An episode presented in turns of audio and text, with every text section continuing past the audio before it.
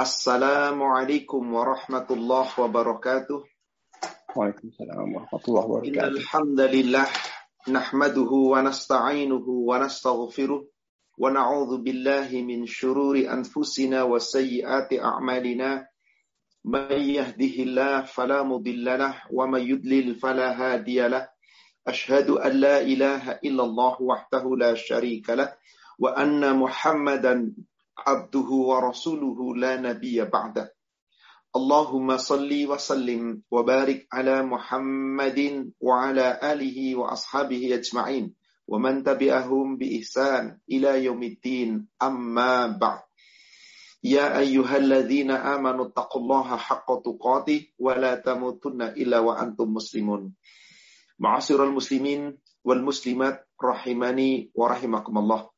Bapak Ibu, jamaah sekalian yang semoga dirahmati Allah.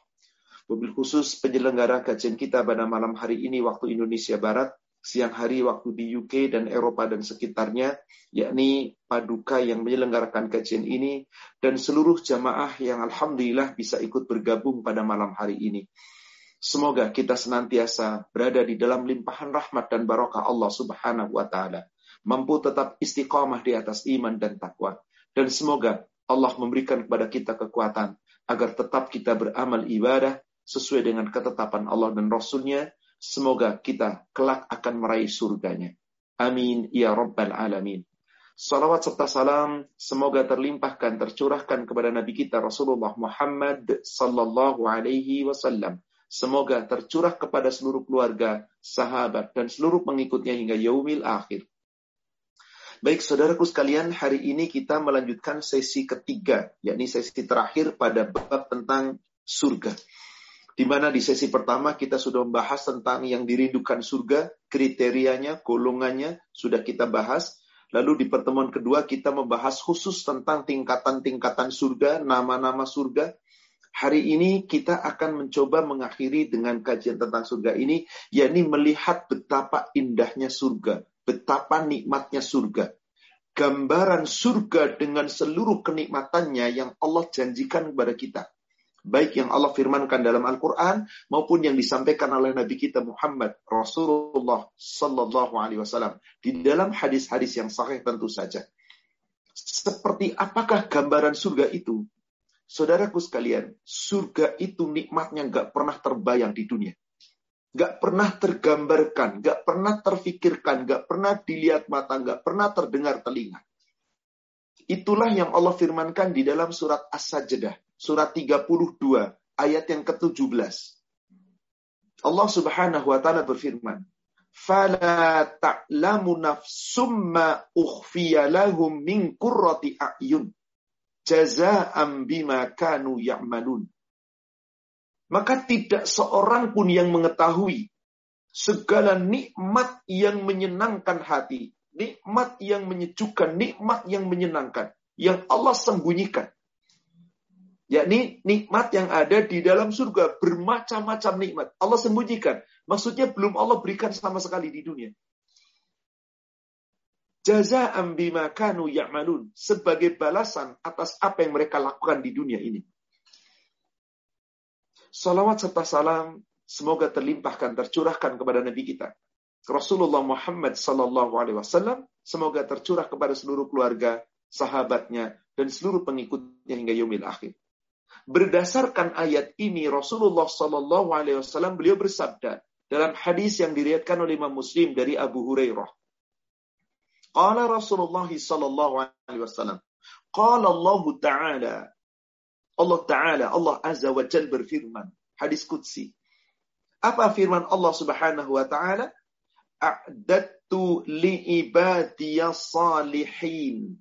Aku sediakan untuk hamba-hambaku yang saleh. yakni nikmat di dalam surga yang Allah gambarkan tadi. Di surat 32 ayat 17. Mala ainun ra'at wala uzunun sami'at nikmatnya surga yang belum pernah terdengar oleh telinga kita di dunia. Tidak pernah terlihat oleh mata kita di dunia. Mata kita nggak pernah lihat kenikmatan itu, telinga kita nggak pernah mendengar kenikmatan itu. Dan wala hatara ala qalbi bashar. Nikmat ini tidak pernah terlintas dalam hati manusia. Nikmat dunia yang paling nikmat pernah terlintas dalam hati kita. Pernah kelihatan oleh kita. Minimal terdengar oleh kita. Tetapi nikmatnya surga gak terbayang, tak terlintas, tak terlihat, tak terdengar. Yang seperti itu adalah tadi firman Allah. Fala ta'lamu nafsum ma lahum min qurrati a'yun. Jaza'an bima kanu ya'malun. Tidak seorang pun yang mengetahui kenikmatan yang Allah sembunyikan di dalam surga.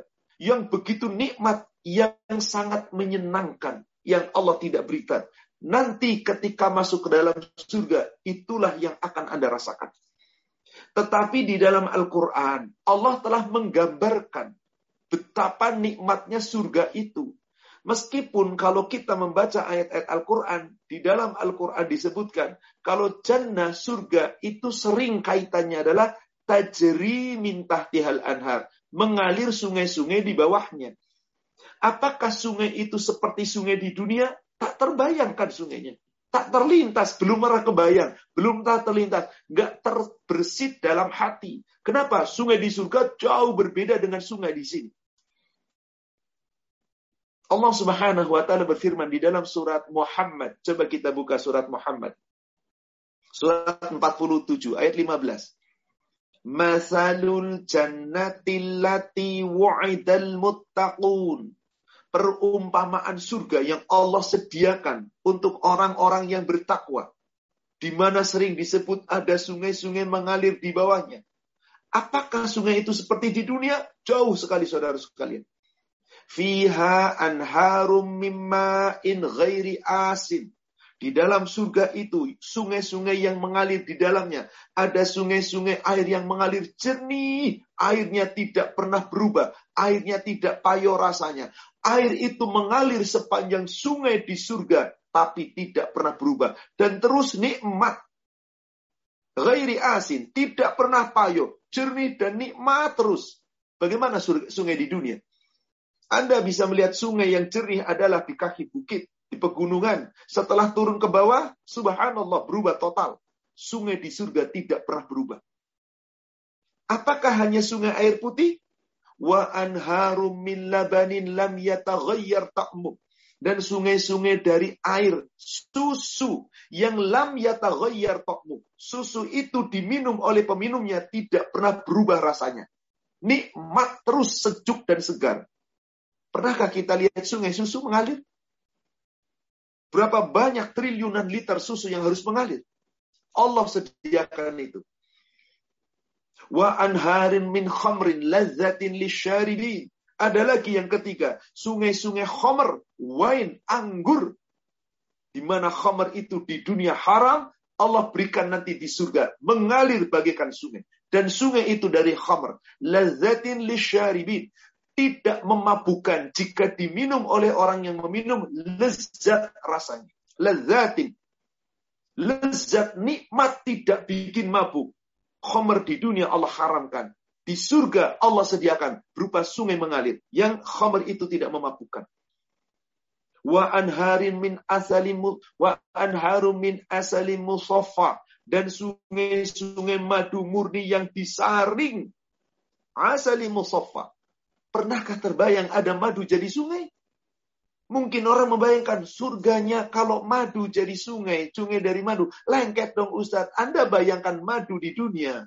Tak terbayang sekali lagi. Gak kebayang adanya air yang jernih terus. Gak kebayang adanya air sungai susu. Adanya adanya air sungai yang terbuat dari khamar. Air sungai terbuat dari madu murni yang disaring. Gak kebayang saudara sekalian. Tapi ini Allah sediakan dan bermacam-macam Allah berikan lagi. Walahum fiha min kulli Allah berikan di dalam surga segala macam buah-buahan. Wa maghfiratum min rabbihim. Dan ampunan dari Allah dari Rob mereka. Allah bandingkan surga ini dengan kenikmatannya. Apa kata Allah? Kaman huwa khalidum finar Apakah nikmat di dalam surga itu sama nikmatnya dengan orang yang kekal di dalam neraka? Wasuqu ma'an hamiman sama dengan penghuni neraka yang minumnya dari air yang sangat panas, yang mendidih, yang sekali minum menghancur luluhkan, memutus-mutus usus dan isi perutnya. Samakah? Satu ayat ini sudah menggetarkan saudaraku sekalian. Artinya apa? Penghuni surga itu Allah berikan nikmat. Semua nikmat yang diinginkan. Yang tak terbayang Allah akan berikan. Asal kita mampu di dunia ini istiqomah. Bukankah Allah telah menawarkan itu kepada kita? Bukankah Allah berfirman di dalam Fusilat surat 41 Hamim As-Sajdah ketika seorang yang tetap istiqomah di jalan Allah di ayat ke-30 Allah katakan Innalladzina qalu rabbunallahu thumma istaqamu tatanazzalu alaihimul malaika alla takhafu wa la tahzanu wa abshiru bil jannati allati kuntum Allah menjanjikan surga. Selalu seperti apa surganya itu dan bagaimana pelindungnya dan apa yang diberikan. Di ayat 31 Allah katakan, Nahnu ukum fil hayati dunya wa fil akhirah. Walakum fiha ma tashtahi anfusukum walakum fiha ma tad'un. Coba bayangkan di sini. Allah berikan nikmat di dalam surga, di mana Allah yang menjadi pelindungnya, para malaikat menjadi pelindungnya, dunia dan akhirat. Dan nanti di dalam surga kamu mendapatkan apa pun yang kamu inginkan.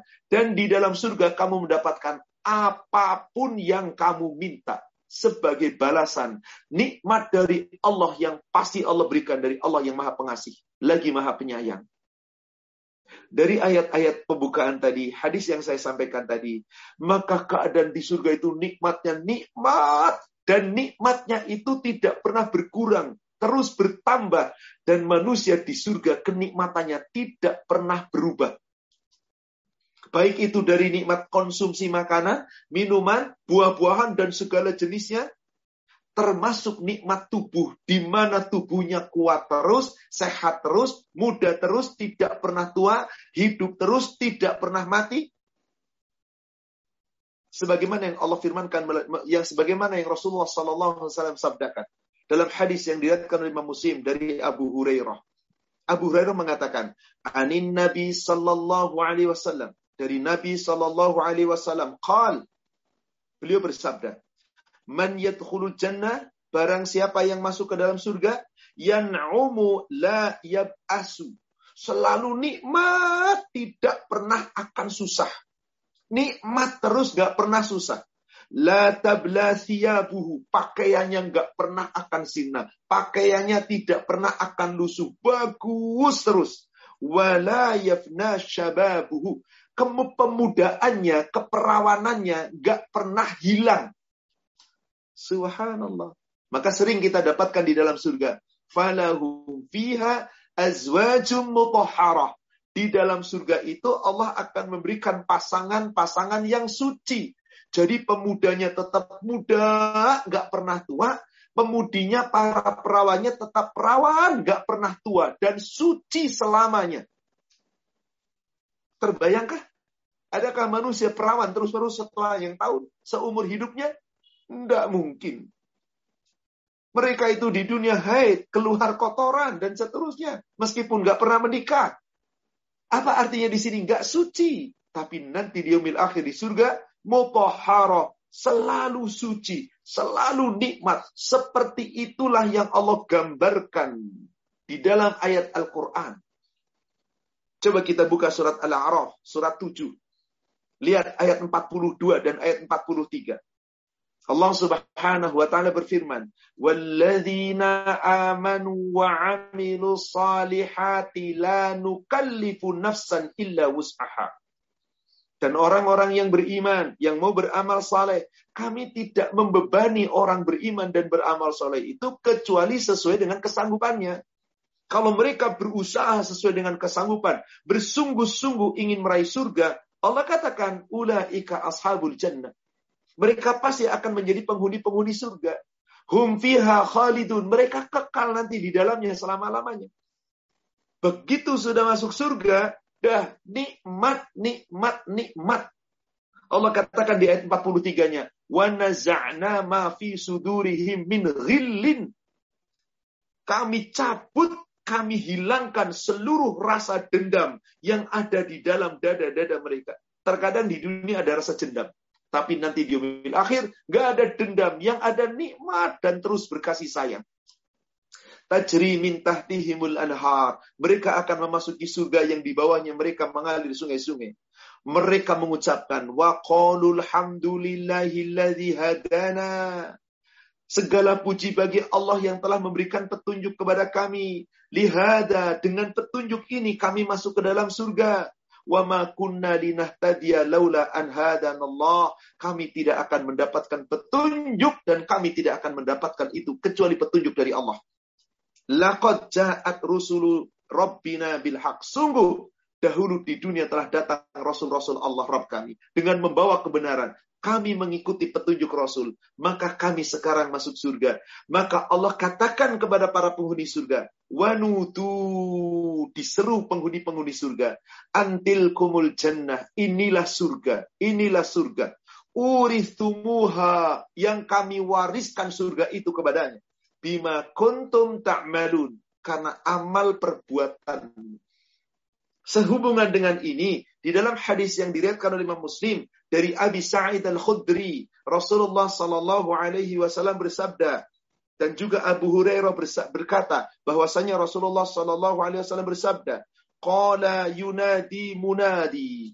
Penghuni surga ketika telah masuk ke dalam surga, maka penyeru dari surga, penyeru malaikat penjaga surga berseru menakan. Inna lakum antasihhu fala tasqumu abada.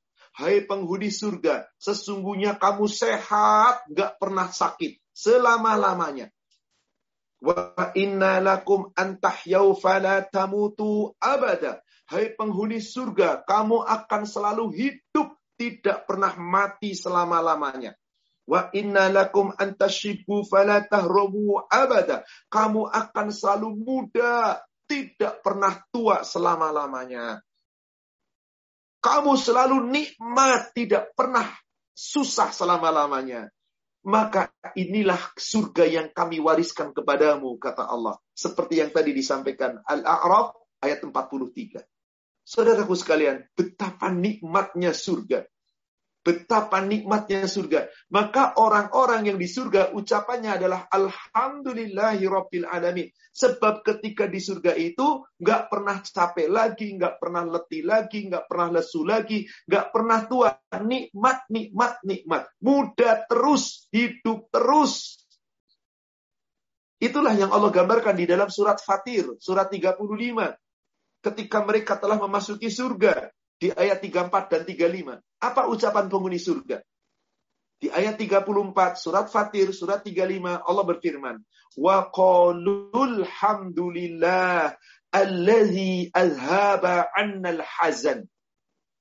Ketika mereka telah masuk ke dalam surga, mereka mengatakan segala puji bagi Allah allazi azhaba 'annal hazan yang telah menghilangkan seluruh rasa sedih, seluruh duka cita dari kami. Inna Rabbana laghafurun syakur. Sungguh Rabb kami betul-betul maha mengampuni dan maha mensyukuri. Lalu, siapakah Rabb yang mengampuni dan mensyukuri itu? Dikatakan di ayat 35. Alladhi ahallana darol muqamati min fadli. Yaitu yang telah menempatkan kami di dalam negeri yang kekal ini. yakni surga. Dengan karunianya. Lalu apa yang terjadi dalam surga? La yamassuna fiha nasabun wa la yamassuna fiha luhub. Mereka di dalam surga itu tidak pernah merasa letih, tidak pernah merasa leluh, tidak pernah merasa susah. Nikmat, nikmat, nikmat. Semua Allah berikan. Semua. Karena sudah diwariskan oleh Allah. Maka para penghuni surga dibebaskan oleh Allah. Nikmati surga dengan senikmat-nikmatnya bahkan nikmat terus, tadi dikatakan tidak pernah mati, hidup selamanya dalam nikmat. Rasulullah Shallallahu Alaihi Wasallam bersabda dalam hadis riwayat Imam Muslim dari Abdullah radhiyallahu an semoga Allah meridhoinya. Apa kata Rasulullah Shallallahu Alaihi Wasallam? Qala yudkhilullahu ahlal jannah jannata wa yudkhilu ahlan nari nar. Allah masukkan penghuni surga ke dalam surga Allah masukkan penghuni neraka ke dalam neraka. Summa yakum mu'adzinun bainahum fayaqul. Kemudian ada penyeru, malaikat penyeru di antara mereka. Lalu mereka berkata, malaikat berkata, menyeru kepada penghuni surga di surga, menyeru kepada penghuni neraka di neraka. Apa kata malaikat diseru? Ya ahlal jannah la mauta wa ya ahlan nar la mauta. Wahai penghuni surga, tidak ada lagi kematian. Wahai penghuni neraka, tidak ada kematian. Kullun khalidun fiha. Mereka kekal, semuanya kekal di dalamnya. Dan mereka yang di surga kekal di surga, mereka yang di neraka kekal di neraka. Silahkan Bapak Ibu mau pilih yang mana. Surga dengan segala kenikmatannya tidak terbayangkan saudaraku sekalian. Nikmat, nikmat, nikmat yang tiada tara. Sekarang kita akan lihat dalam beberapa ayat Al-Quran, rangkaian ayat Al-Quran yang menggambarkan nikmatnya surga. Pertama, Al-Baqarah ayat 25. Surat 2 ayat 25. Allah Subhanahu wa taala berfirman, وَبَشِّرِ الَّذِينَ آمَنُوا وَعَمِلُوا الصَّالِحَاتِ أَنَّ لَهُمْ جَنَّاتٍ تَجْرِي مِنْ تَحْتِهَا الْأَنْهَارِ Sampaikanlah kabar gembira bagi orang-orang yang beriman dan beramal saleh bahwa mereka akan mendapatkan yakni surga-surga yang mengalir sungai-sungai di bawahnya kullama ruziqu minha min samarat. Ketika Allah memberikan rizki kepada mereka dari buah-buahan.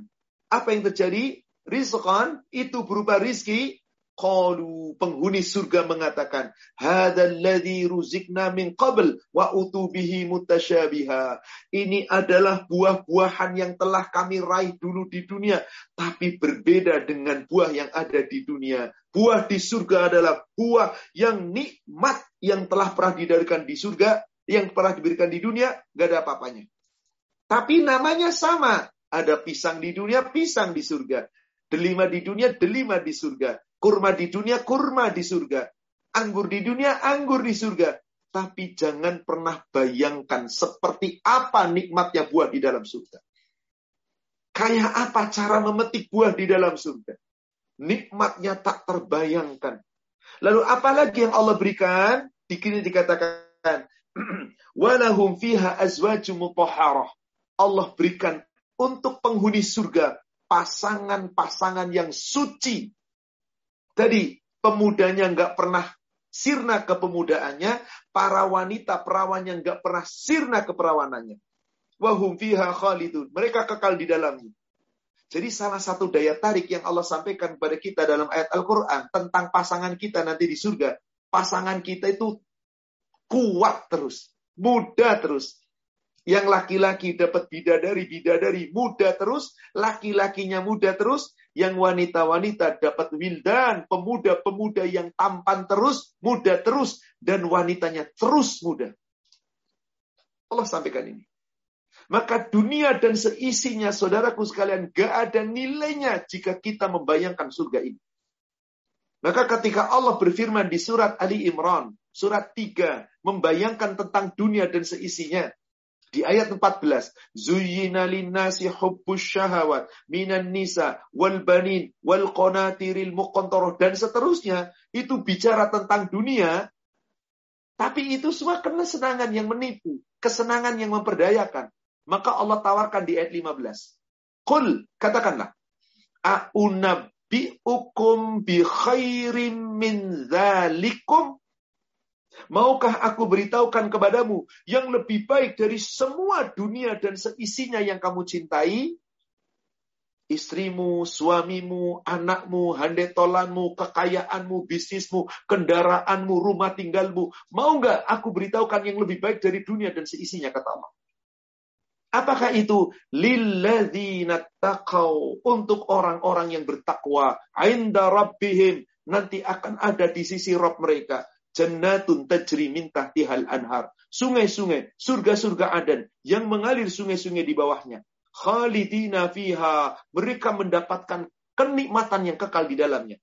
Wa azwajum mutahharah. Dan pasangan-pasangan yang suci. Wa ridwanum minallah. Dan keridoan dari Allah. Wallahu basirum bil ibad. Allah maha mengetahui tentang hambanya. Saudaraku sekalian, di sini jelas bahwasanya tidak pernah ada manusia itu tua. Seperti tadi yang dikatakan hadis sahih muslim dari Abu Hurairah. Siapa yang masuk surga, nikmat, nggak pernah susah. Muda, nggak pernah tua. Subhanallah, nikmat, nikmat terus. Hidup, nggak pernah mati. Ini yang Allah tawarkan. Maka dari uraian tadi, gambaran tentang surga, mari kita tengok surga secara lebih detail lagi. Kayak apa nikmat yang ada di dalamnya. Mari kita buka surat Az-Zukhruf. Surat 43. Kita lihat dari ayat 68. Surat Az-Zukhruf, surat 43, kita lihat dari ayat 68. Allah Subhanahu wa taala berfirman, "Ya ibadi, la khaufun 'alaikumul yauma wa la antum tahzanun." Hai hamba-hambaku, bayangkan orang yang taat di dunia dipanggil Allah, "Hai hamba-hambaku."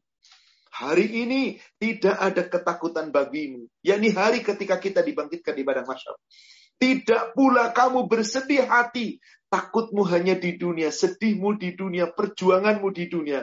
Nanti di akhirat, gak ada lagi rasa takut. Gak perlu ada perjuangan lagi. Yang ada nikmat, nikmat, nikmat. Siapakah hamba-hamba yang dimaksud tadi? Allah katakan di ayat 69. Alladzina amanu bi ayatina wa kanu muslimin. Orang-orang yang dahulu di dunia senantiasa terus beriman kepada ayat-ayat Allah. Dan selalu tunduk berserah diri kepada Allah. Terus menerus itu lakukan. Maka apa kata Allah di ayat 70-nya? Udhulul jannah. Masuklah kamu ke dalam surga. Antum wa azwajukum tuhbarun. Subhanallah. Masuklah kamu ke dalam surga, kamu beserta pasanganmu digembirakan. Wahai para suami, ajaklah isi Anda masuk surga. Didik isi Anda dengan sebaik-baiknya. Jaga isi Anda sebaik-baiknya. Dari perintah ibadahnya, taat kepada suami, jaga auratnya, jaga. Insya Allah akan bersama pasangannya masuk surga. Allah yang janji. Wahai para istri, taati Allah dan taati suami. Taati Allah dengan jalankan perintah Allah, tinggalkan larangan Allah. Taati suami, karena Anda telah menjadi milik suami. Surga di tangan. Allah katakan, inilah surga, kata Allah. Silahkan kamu masuk ke dalam surga. Kamu dan pasanganmu masuk. Allah gembirakan. Subhanallah. Apa yang terjadi di ayat 71-nya? Yuqafu alaihim bizihapin min dahabin wa akwabin mereka diberikan oleh Allah, diedarkan piring-piring, gelas-gelas terbuat dari emas. Di dunia nggak boleh seorang berbuat membuat bejana dari emas. Haram hukumnya. Tapi kalau perhiasan dari emas untuk wanita, halal. Kalau untuk laki-laki, haram. Apalagi bejana. Nggak boleh makan dan minum dari bejana yang terbuat dari emas. Bagaimana nanti di surga? Piringnya terbuat dari emas murni. Gelasnya terbuas dari emas murni. Semuanya. Bahkan Allah katakan, nanti wa akwabin wa fiha ma tashtahi anfusu wa taladzal a'yun. Kamu akan mendapatkan itu dan di dalam surga terdapat apa pun yang diingini oleh hati dan segala yang sedap dipandang mata. Anda mau apa di dunia? Belum tentu dapat. Anda bercita-cita, belum tentu terkabul. Anda menginginkan, berdoa, belum tentu diberi. Di surga, apa yang Anda inginkan? Apa yang Anda inginkan? Anda minta apa? Semua kenikmatan yang dipandang mata, semua kenikmatan yang sedap dirasakan oleh hati, kamu akan dapatkan itu. Wa antum fiha khalidun. Kamu di dalam surga akan kekal. Subhanallah, saudaraku sekalian. Ini janji Allah. Maka dikatakan kepada mereka di ayat 72, Watilkal jannatul lati uristumuha. Inilah surga yang telah kami wariskan kepadamu. Bima kuntum ta'malun. Karena amalmu di dunia, mungkinkah kita tanpa amal kita bisa masuk surga? Gak mungkin saudaraku sekalian. Mari sekarang beramal. Nanti diwariskan oleh Allah surga. Apa yang Allah akan berikan? Subhanallah. Lihat ayat 73. Tadi di Al-Baqarah 25, bagi mereka buah-buahan. Apakah buahnya sama dengan di dunia? Lakum fiha fakihatun kathiratum minha ta'kulun. Bagi kamu nanti di dalam surga mendapatkan buah-buahan untukmu. Yang sebagiannya kamu makan. Silahkan buah apa pun yang kamu inginkan. Silahkan. Apa yang kamu inginkan. Diberi oleh Allah subhanahu wa ta'ala. Syaratnya di dunia, jadilah orang yang berbakti. Jadilah orang yang baik. Jadilah orang yang bertakwa. Pasti Allah akan berikan kenikmatan yang tiada taranya.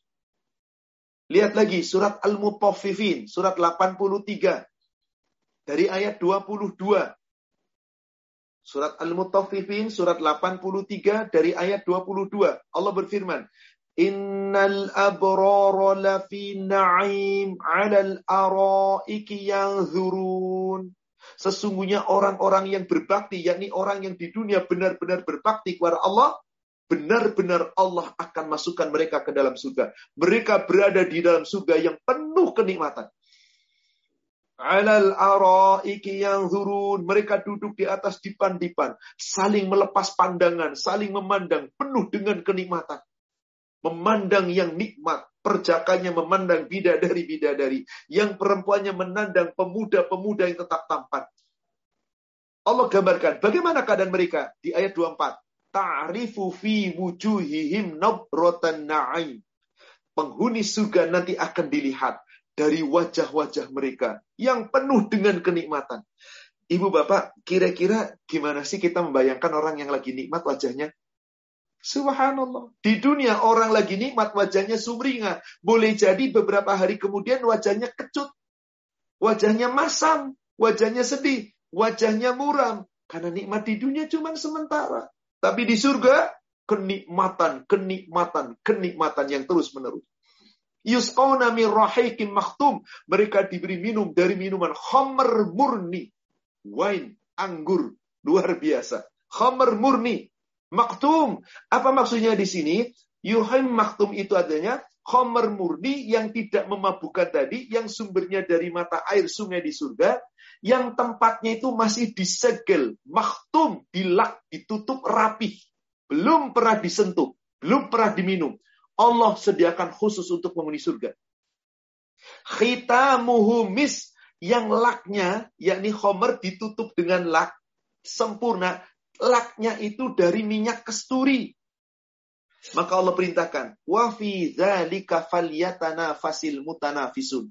Maka untuk meraih surga yang penuh kenikmatan itu hendaklah kalian berlomba-lomba. Berlomba-lomba. Allahu akbar.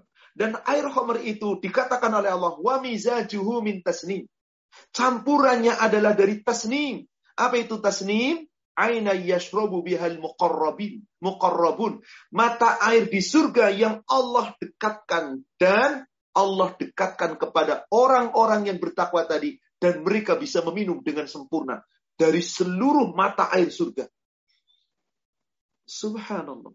Ini gambaran yang luar biasa saudaraku sekalian. Allah berikan nikmat. Nikmat, nikmat, nikmat. Tidak pernah ada kesedihan, Tak terbayang kita baca ayat-ayat seperti ini. Mari kita buka kembali surat At-Tur, surat 52 dari ayat yang ke-17. Surat 52, surat At-Tur dari ayat 17. Innal muttaqina fi jannatin na'im. Sesungguhnya orang-orang bertakwa pasti Allah tempatkan nanti di dalam surga yang penuh dengan kenikmatan-kenikmatan fakihina bima atahum rabbuhum. Mereka bersukaria, bersukacita, bergembira ria di dalam surga. Kenapa? Karena apa yang mereka inginkan, mereka minta Allah beri kepada mereka. Diberi nikmat semuanya. Wa waqahum rabbuhum adzabal jahim dan Allah menjaga mereka, memelihara mereka dari adab neraka. Bukankah doa kita demikian di dunia? Rabbana atina fid dunya hasanah wa fil akhirati hasanah wa qina adzabannar. Bukankah doa kita Allahumma inna na'udzubika min adzabi jahannam wa min adzabil qabr? Siapa yang betul-betul doa itu dibuktikan dengan usaha, iman dan takwa, amal soleh yang baik, Allah jauhkan mereka dari azab neraka jahanam. Maka Allah katakan di ayat ke-19-nya, Kulu washrabu, makanlah, minumlah hani ambima kuntum ta'malun dengan nikmat dengan nikmat semua kamu nikmati disebabkan karena apa yang kamu amalkan di dunia ini. Bukan gratis saudaraku sekalian, ada usaha tadi. Dengan itu wafi dzalika falyatanafasil mutanafisun. Untuk meraih surga itu kita harus berlomba-lomba. Maka Allah katakan di ayat 20-nya, muttaqiina ala sururin masfufah. Mereka penghuni-penghuni surga itu, subhanallah, bersandar di atas dipan-dipan yang tersusun dengan rapi. Dan para laki-lakinya dapat apa? Wazawwajnahum bihurin ain. Wahai para laki-laki, kalau Anda betul-betul mentaati Allah di dunia, Anda Allah sediakan bidadari-bidadari khurun ain yang matanya indah. Matanya indah. Allah nanti pertemukan di dalam surga. Bahkan Allah kumpulkan dengan saudara-saudaranya, keturunannya, pasangannya, orang tuanya. Selama di dunia mereka sama-sama beriman. Allah katakan di ayat ke-21, "Walladzina amanu wattaba'athum dzurriyyatuhum biimanin." Orang-orang yang beriman, yang diikuti oleh anak keturunan mereka, yang mereka sama-sama beriman. Alhaqna bihim dzurriyyatahum. Kami hubungkan mereka, kami pertemukan mereka di dalam surga dengan anak cucu mereka. Wa ma alatnahum min amalihim min syai'. Allah tidak mengurangi sedikit pun dari amal-amal mereka. Tapi ujung ayatnya Allah katakan, Kullum ri'im bima kasabarin. Tiap-tiap manusia terikat dengan usahanya. Kalau usahanya baik, pasti ketemu nanti di surga. Ustaz, kalau para suami kita dapat bidadari, lalu kita gimana kalau para wanita? Gimana dong? Suami kita diambil bidadari, lalu kita gimana? Subhanallah ibu. Jangan khawatir. Coba lihat ayat 22 dan berikutnya. Wa amdadnahum bifakihatin walahmim mimma yashtahun penghuni-penghuni surga dengan seluruh keluarga yang dikumpulkan tadi diberikan oleh Allah tambahan berupa buah-buahan, daging dari segala jenis apa yang mereka inginkan. Di dunia Allah haramkan daging-daging tertentu. Di surga Anda mau minta yang seperti apa? Lalu apa yang terjadi? Yatanaza'una fiha ka'san la laghun fiha wala ta'thim. Di surga itu mereka minum, saling mengulurkan gelas-gelas yang penuh dengan kenikmatan. Isinya adalah homer, tapi homer itu tidak menumbuhkan ucapan yang faedah, nggak bikin mabuk. Dan homer itu tidak akan menjadikan seseorang berbuat dosa. Ustaz, gimana kami para wanitanya? Tadi laki-lakinya udah dapat bidadari. Yakni apa? Yakni dikatakan tadi di ayat ke-20. Kan dapat bidadari. Coba lihat ayat yang ke-24. Untuk wanitanya dikasih apa oleh Allah? Wa yatufu alaihim ghilman. Para wanita-wanita yang masuk surga dikelilingi oleh mereka anak-anak muda. Bidadara-bidadara. Lahum ka'annahum lu'lu'um maknun pemuda-pemuda bidadara-bidadara surga melayani para wanita-wanita yang masuk surga itu seakan-akan pemuda itu seperti mutiara tersimpan. Gak usah khawatir ibu tenang, dapat pasangan. Cemburu nggak usah suami saya, nggak ada rasa cemburu. Cemburu nggak usah isi saya ketika saya dikelilingi bidadari, nggak ada rasa cemburu. Sudah dikatakan tadi di surat Al-A'raf ayat 43, Dicabut oleh Allah rasa cemburu, rasa permusuhan. Nikmat, nikmat. Tadi dikatakan Allah, nggak terbayang. Wahai para laki-laki, anda ditunggu bidadari-bidadari surga. Khurun ain yang matanya jernih, jelita bagaikan mutiara. Wahai para wanita, Anda dijaga, ditunggu oleh apa? Ghilman, pemuda-pemuda tampan yang tidak pernah sirna pemudanya. Subhanallah. Nikmat saudaraku sekalian. Terbayangkah? Bahkan maaf. Kayak apakah keadaan bidadari-bidadari yang Allah sediakan untuk para laki-laki? Coba, para laki-laki baca ayat ini pasti senang nih. Surat An-Naba. Sampai Allah gambarkan, memang maaf-maaf. Dalam ayat ini agak vulgar Allah menyebutkan. Tapi keadaannya seperti itulah. Itulah bidadari yang Allah tawarkan di surga. Surat An-Naba, surat 78. Coba kita lihat dari ayat 31. Innal muttaqina mafaza. Sesungguhnya orang-orang yang bertakwa di dunia betul-betul akan mendapatkan kemenangan. Yaitu apa? Kemenangan di surga. Hadaiqa wa a'naba. Nanti di surga Allah berikan kebun-kebun, buah-buah anggur dan segala macam buah. Ini yang paling ditunggu laki-laki ini. Ayat ke-33. Wa kawa'iba atsroba. Apa terjemahannya Pak di sana Pak? Wa kawa'iba atsroba. Kawa'an. Uh, apa Pak? Garis-garis belia yang sebaya Ustaz. Ah, kurang tepat itu. Nggak benar terjemahannya. Ada yang lebih tepat dari itu.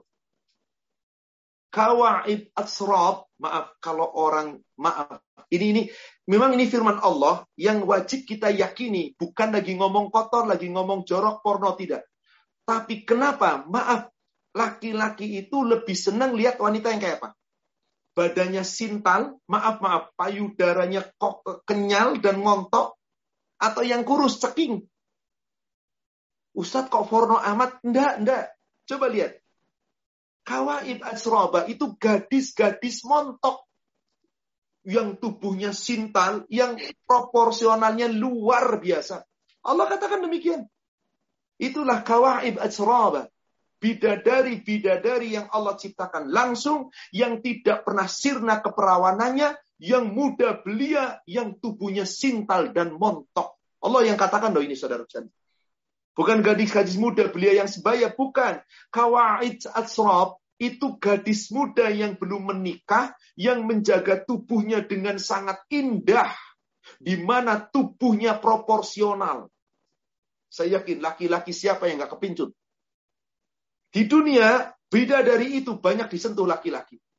Tapi beda dari surga, Allah ciptakan langsung yang belum pernah disentuh oleh jin dan manusia. Kawaib atsraba. Ini Allah tawarkan saudara Allahu Akbar. Kawaib atsraba. Waka sandihaqa. Allah berikan gelas-gelas yang penuh dengan minuman apa pun yang kamu inginkan. La yasma'una fiha lahwa wala kizzaba. Maka di surga tidak ada perkataan yang mengandung dusta, tidak ada perkataan yang sia-sia, semuanya nikmat, nikmat, nikmat. Ini Allah tawarkan saudaraku sekalian. Ini Allah yang tawarkan, subhanallah. Ini bukan omong lagi porno, bukan demi Allah, bukan. Allah menggambarkan ini untuk para laki-laki. Maaf, maaf.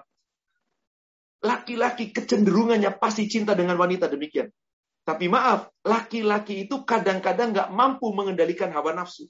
Makanya Allah izinkan laki-laki boleh lebih dari satu. Satu, dua, tiga, atau empat. Tapi wahai para laki-laki, saya tidak pernah menentang poligami. Demi Allah, silakan yang mampu.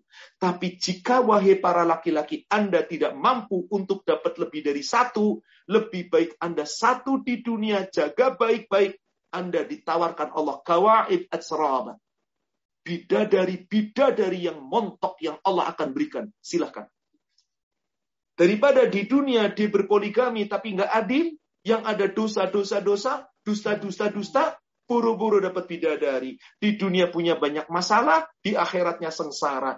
Lebih baik mari kita jaga. Silahkan yang mau berpoligami, Allah tidak melarang kok. Apalagi cuman saya nggak melarang. Tapi saya menghimbau wahai para laki-laki, jika Anda mau berpoligami, jangan asal sekedar nafsu, senang punya bunga sekuntum, dua kuntum, tiga kuntum, empat kuntum, jangan. Tapi tanggung jawab Anda begitu berat.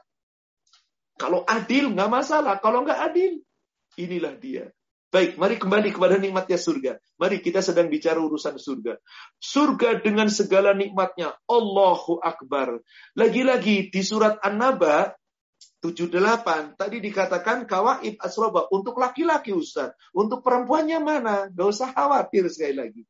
Monggo kita buka surat Al-Insan. Allah itu adil. Gak mungkin hanya diberikan untuk laki-laki saja para bidadari. Monggo kita buka Al-Insan. Surat 76.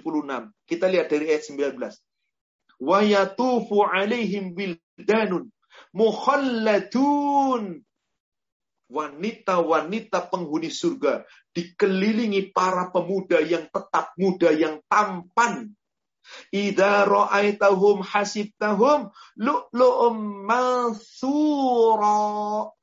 Jika wanita-wanita penghuni surga melihat pemuda-pemuda yang tampan itu, mereka itu seakan-akan mutiara yang bertaburan. Bidadarinya mutiara bertaburan. Gak usah khawatir ibu. Perjaka yang subhanallah. Sintal tubuhnya atletis keren. Tenang ibu. Tapi maaf. Ini semua Anda harus usahakan dulu di dunia.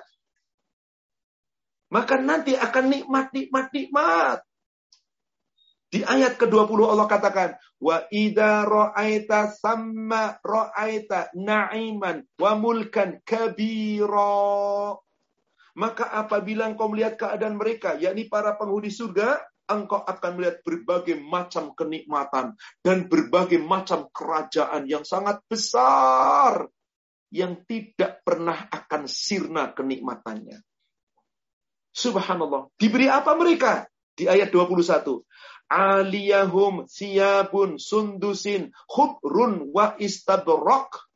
Mereka penghuni surga diberikan pakaian-pakaian, pakaian hijau, sutra tebal, memakai gelang terbuat dari perak dan dari segala macam perhiasan. Wahulu asawira min fiddah, diberikan gelang-gelang itu dari jenis mutiara, dari perak, dari segala macam. Wasaqahum rabbuhum syaraba tohuro. Dan mereka diberikan oleh Allah minuman yang sangat bersih. Yang penuh dengan kenikmatan. Kenapa dapat itu? Dikatakan di ayat 22. Inna hadha kana lakum jazaan Semuanya ini sebagai balasan bagi kamu. Wa kana sa'yukum mashkura. Dan sungguh Allah itu menerima segala rasa syukurmu di dunia. Maka Allah berikan balasan dengan surga. Nikmat, nikmat, nikmat. Gak kebayang saudaraku sekalian. Bahkan jika kita membaca sebuah hadis di dalam riwayat Imam Muslim dari Abu Hurairah. Apa dikatakan? Penghuni surga itu makan dari segala makanan yang diinginkan. Minum dari segala minum yang diinginkan. Makanan daging dari buahnya, dari segala macam diinginkan. Tapi mereka makan tidak pernah kenyang, tetapi tidak pernah lapar. Mereka minum tidak pernah kembung, tapi juga tidak pernah haus. Dan seterusnya nikmat, makan minum. Gak buang kotoran, gak buang ingus, gak buang air kecil, gak buang air besar. Gak pernah bersin, nggak pernah batuk. Nikmat, nikmat, nikmat. Sampai sahabat bertanya, ya Rasulullah, mereka makan, mereka minum, nggak buang kotoran, nggak buang ingus, nggak pernah batuk, dan seterusnya. Lalu bagaimana cara buang kotorannya? Kotorannya dibuang melalui sendawa. Tapi sendawa itu baunya lebih harum dari minyak kasturi. Subhanallah. Saudaraku sekalian, tak terbayang nikmatnya surga. Tak terbayang nikmatnya surga. Untuk itulah mari kita berlomba-lomba. Nah, Bapak Ibu jika ingin melihat lebih lengkap lagi tentang nikmatnya surga, itu di surat Ar-Rahman, surat 30, surat 55. Sejak ayat yang ke-46, itu diceritakan tentang nikmatnya surga. Waliman khofa maqama rabbihi jannatan. Bagi orang-orang yang takut kepada Allah dengan kekuasaan Robnya, maka akan diberikan oleh Allah dua surga. Ditambahkan lagi di ayat 48-nya. Zawata afnan. Kedua surga itu memiliki aneka pepohonan.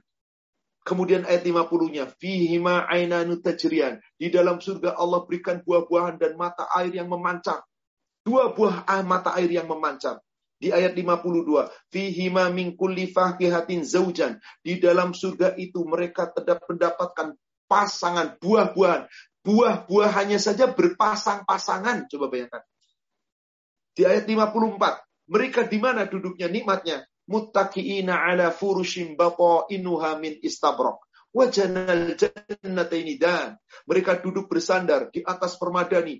Permadani di bagian dalamnya diisi dengan sutra tebal.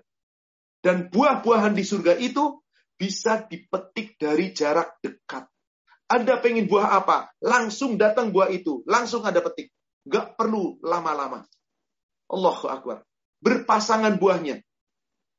Lalu dikatakan lagi di ayat ke-56-nya, fihina fihina qasiratu porfi lam yathmithunna insun qablahum walajan. Di dalam surga Allah sediakan bidadari-bidadari yang membatasi pandangan yang belum pernah disentuh oleh jin dan manusia. Berarti bidadari yang Allah ciptakan langsung. Seperti apa keadaannya? Ka'annahunnal yaqutu wal marjan. Di ayat 58. Bidadari itu seakan-akan bagaikan permata petani. Bagaikan marjan. Permata dan marjan. Yakut dan marjan. Allah Akbar. Nggak terbayang saudaraku sekalian. Udah nikmatnya luar biasa. Sejak dari ayat 46 terus itu Allah ceritakan nikmatnya surga, nikmatnya surga, nikmatnya surga. Nggak terbayang saudaraku sekalian. Inilah nikmat yang tidak ada taranya. Nikmat mana lagi yang tidak kamu dustakan? Allah telah sediakan itu. Jadi di sini wahai saudaraku sekalian, yang laki-laki itu dilayani bidadari-bidadari, yang perempuan dilayani bidadara-bidadara dan tidak ada lagi rasa cemburu. Baik, di penghujungan saya akan sampaikan beberapa hadis dan sebuah ayat Al-Qur'an. Apakah nikmat dari segala nikmat yang paling dirasakan oleh penghuni surga? Nikmat ketika memandang wajah Allah. Di dalam hadis riwayat Imam Bukhari dan Muslim dari sahabat Atha bin Yazid Al-Laythi. Dia bertanya, "Qultu ya Rasulullah." Dia bertanya bertanya kepada Rasulullah, "Wahai Rasulullah, hal nara rabbana yaumal qiyamah?" Apakah kami nanti pada hari kiamat bisa melihat, memandang Rob kami? Bisakah kami melihat Allah? Faqala Rasulullah sallallahu alaihi wasallam. Maka mendapat pertanyaan itu Rasulullah kemudian bertanya. Apa kata Rasulullah? Hal tubaruna fi ru'yatil qamar lailatal badri? Apakah kamu kesulitan memandang bulan di saat bulan purnama? Qalu la ya Rasulullah. Mereka menjawab, enggak, kami enggak sulit memandang bulan di saat purnama, wahai Rasulullah. Faqala, hal tudaruna fi syamsi laisa dunaha sahaban? Qalu la ya Rasulullah. Apakah kamu kesulitan melihat matahari ketika telah terbit sempurna di saat tidak tertutup dengan mendung? Apakah kamu nggak lihat matahari? Enggak, enggak susah. Kami lihat. Maka apa kata Rasulullah? Pada saat itu, qala fa innakum tarawnahu. Maka sungguh kalian semua akan melihat Allah demikian seperti itu. Mudah. Sapi nanti di surga. Maka digambarkan dalam hadis riwayat Imam Muslim dari Suhaib bin Sinan, semoga Allah meridhoinya. Nabi Shallallahu alaihi wasallam saat itu bersabda, "Idza dakhala ahlal jannah al-jannah, apabila penghuni surga telah masuk ke dalam surga, Qala kemudian dikatakan, Yaqulullahu tabaraka wa ta'ala. Allah tabaraka wa ta'ala berfirman, Turiduna syai'an azitukum. Apakah kamu menginginkan sesuatu yang perlu aku tambahkan? Nikmat yang perlu aku tambahkan? Ditawari nikmat tambahan. Maka ketika itu para penghuni surga menjawab, Yaqulun alam yubasid wujuhana alam tudkhilnal jannah. Wahai Allah, bukankah wajah kami, tubuh kami telah putih gilang gemilang? Bukankah kami telah dimasukkan ke dalam surga? Wanum hajina minanar, bukankah kami telah dijauhkan dari neraka? Maka apa yang terjadi? Begitu kenikmatan sudah dirasakan semuanya. Qala fakashiful hijab. Dibukalah hijab yang membatasi pandangan penghuni surga. Fama u'ta syai'an ahabba ilaihim minan nadhara ila rabbihim azza wa. Maka begitu dibuka hijab, tidak ada kenikmatan yang paling nikmat yang dirasakan oleh penghuni surga selain memandang wajah Allah. Saudaraku sekalian, maka ikhlas kita itu sering diidarkan oleh Allah. Orang yang sabar, liwajhi rabbihim, karena wajah Allah. Karena ingin melihat wajah Allah. yakni karena ingin masuk surga. Maka orang beriman pasti melihatnya. Allah sudah katakan di surat Al-Qiyamah. Surat 75. Ayat 22 dan ayat 23. Wujuhu yawma idin nadirah. Wajah-wajah orang beriman nanti di surga dalam keadaan nadirah. Berseri-seri. Nikmat. Kenapa? Ila rabbiha nadirah Karena mereka memandang wajah Robnya. Memandang wajah Robnya. Itulah kenikmatan, kenikmatan, kenikmatan yang tiada tara. Saya tutup dengan sebuah hadis yang diriatkan oleh Imam Muslim dari Abi Sa'id Al-Khudri. Qala Rasulullah sallallahu alaihi wasallam, "Inna Allah yaqulu li ahli jannah." Rasulullah sallallahu alaihi wasallam bersabda, sesungguhnya Allah berfirman kepada para penghuni surga ketika telah meman ketika telah mentampakkan dan penghuni surga telah melihat wajah Allah dengan segala kenikmatannya. Maka Allah berfirman kepada penghuni surga, "Ya ahlal jannah, Wahai para penghuni surga. Fayakulun. Para penghuni surga kemudian menjawab. Labbaika Rabbana wa sa'dai wal khairu fi yadai. Kami datang ya Allah ya Rabb kami. Kami memenuhi panggilanmu. Segala kebaikan ini milikmu wahai Allah. Maka kemudian fayaqul Allah berfirman. Ya ahlal jannah hal raditum Wahai para penghuni surga, apakah kamu ridho dengan nikmatnya surga ini? Hal itu kamu puas dan ridho dengan nikmatnya surga ini? Fayaqulun, para penghuni surga menjawab, Wa malana la tardo ya Rabbi. Bagaimana kami tidak ridho, wahai Robku? Bagaimana kami tidak puas di surga, wahai Robku? Waqad aqaitana malam tu'ti ahadam min khalqik. Bukankah engkau telah memberikan kenikmatan kepada kami, nikmat yang belum pernah engkau berikan kepada makhluk sebelum ini? Nikmat surga yang luar biasa, memandang wajah Allah dengan segala kenikmatannya. Kami sudah dapat. Bagaimana kami tidak ridho? Maka sering di dalam Al-Quran, kalau orang sudah masuk surga, ada kalimat, Radiyallahu anhum warodu anhu. Allah ridho kepada mereka penghuni surga, penghuni surga ridho kepada Allah. Allah bertanya, apakah kamu ridho? Kamu puas? Gimana nggak ridho? Kami mendapatkan nikmat, semua nikmat yang belum pernah kau berikan kepada makhluk. Fayaqul, Allah berfirman kembali, Ala u'tikum abdala min dalik. Wahai penghuni surga, mau nggak aku berikan kenikmatan yang lebih baik lagi dari semua yang telah kamu rasakan ini? Fayaqulun, para penghuni surga menjawab, Ya Rabbi, wa ayyu syai'in afdalu min. Wahai Rabbku, nikmat apa lagi yang lebih baik dari semua ini yang telah kami rasakan? Nikmat apa lagi, wahai Rabbku? Fayaqul, Allah berfirman, Uhillu alaikum ridwani. Mulai saat ini, aku halalkan keriduanku atasmu. Apa bentuk keridhaan Allah? Fala askhatu alaikum ba'dahu abada. Sejak saat ini aku tidak pernah akan marah lagi kepadamu selamanya. Bukankah di dunia Allah masih marah kepada kita? Adanya musibah, adanya bencana, adanya ujian-ujian keburukan, adanya perintah, adanya larangan. Bukankah itu sebagai bentuk aturan Allah kepada kita? Nanti di surga semua itu nggak ada lagi. Maka saudaraku sekalian, berjuanglah selagi kita masih hidup, jadilah penghuni-penghuni surga sama-sama kita berdoa kepada Allah. Allahumma inna nas'alukal jannah wa na'udzubika minan nar. Allahumma inna nas'alukal jannah wa na'udzubika minan nar. Allahumma inna nas'alukal jannah wa na'udzubika minan nar. Wallahu a'lam. Demikian saudaraku seiman yang semoga dirahmati Allah kajian kita pada malam hari ini Afwan agak sedikit cepat kajian ini karena saya ingin menuntaskan semua ayat-ayat tentang surga. Meskipun masih banyak yang belum turun, tapi mudah-mudahan semua ayat-ayat dan hadis yang disampaikan terkait dengan nikmatnya surga telah mewakili betapa surga dengan segala nikmatnya. Semoga kita makin berjuang, bersungguh-sungguh untuk meraih semuanya itu. Amin. Ya Rabbal Alamin. Semoga Allah meridhoi kita. Wallahu alam. Demikian Semoga apa yang diuraikan bermanfaat. Kami kembalikan kepada admin. Silakan admin untuk kita lanjutkan dengan sesi tanya jawab. Wallahu a'lam.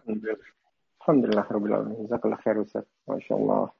Membuat kami merasa rindu akan surga. Insya Allah kita semua bisa berkumpul. kita dengan surganya. Insya Allah. Amin. Baik, saya ingatkan kembali sebelum saya mulai uh, untuk yang ingin bertanya langsung silahkan raise hand nanti kita akan persilahkan uh, beri kesempatan. Baik. Saya share screen Ustaz untuk share pertanyaan. Ini yang pertama. Assalamualaikum warahmatullahi wabarakatuh Ustaz. Karena mau bertanya, Apa yang dimaksud bahwa neraka adalah keterpisahan kekal dari Allah Subhanahu wa taala? Mohon penjelasannya Ustaz. Syukron, Orang yang ada di neraka tidak dapat ridha Allah. Ketika mereka kekal di dalam neraka berarti terpisah dari Allah.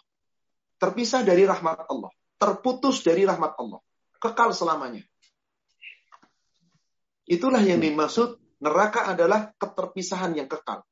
Ketika Allah turunkan surat Al-Kautsar, Inna a'toina kal kautsar fasalli li rabbika wanhar.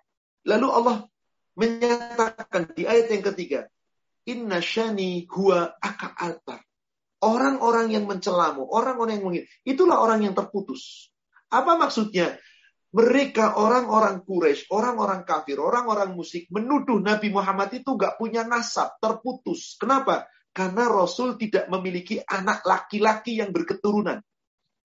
Putra Rasulullah wafat semua yang laki-laki. Abdullah wafat. Qasim wafat. Ibrahim wafat.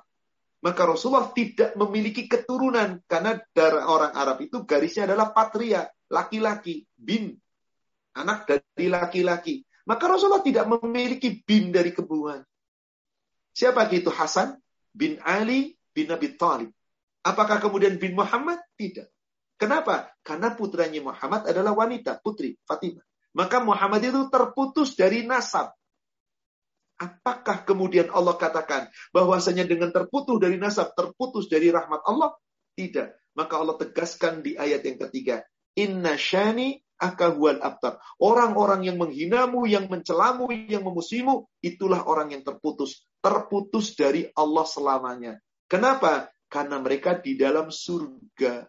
Kenapa dikatakan terputus? Ibu, bapak, kalau orang sudah di dalam neraka, maaf orang di dalam neraka, Berkata saja nggak boleh. Coba lihat surat 23. Surat 23. Dari ayat 105, 106, 107. Itu dialog penghuni neraka dengan Allah. Ketika mereka sudah dalam neraka, di ayat 105 Allah katakan, Qala alam takun ayati tutsla alaikum fakuntum biha tukadzibun Hai penghuni neraka, bukankah dahulu di dunia ayat-ayatku telah disampaikan, sudah sampai kepadamu ayat Allah. Lalu kamu mendustakan ayat Allah? Apa pengakuan penghuni neraka di ayat 106? Qalu rabbana ghalabat alaina shikwatuna wa kunna qauman dhalin. Wahai Rob kami, memang kami itu telah dihantui oleh hawa nafsu kami. Telah dikuasai oleh hawa nafsu kami. Kami memang dolin.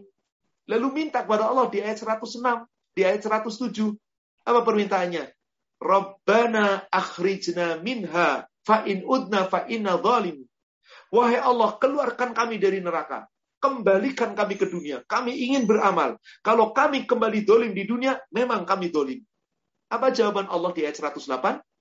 Qolah sa'u fiha wala tukallimun. Allah katakan kepada penghuni neraka, tinggallah kamu di dalam neraka. Jangan berkata-kata denganku. Bicara saja nggak diizinkan. Diputus oleh Allah dari rahmat Allah. Putus selama-lamanya. Demikian yang dimaksud dengan putus rahmat Allah bagi penghuni neraka selama-lamanya. Wallahu alam. Demikian. Alhamdulillah. Uh, ini ada yang mengangkat tangan. Uh, silakan. silakan. Eka Yunita silahkan di unmute. Singkat saja insya Allah. Eka Yunita, silahkan diambil. Oh. Tafadhali Umu. Assalamualaikum warahmatullahi wabarakatuh.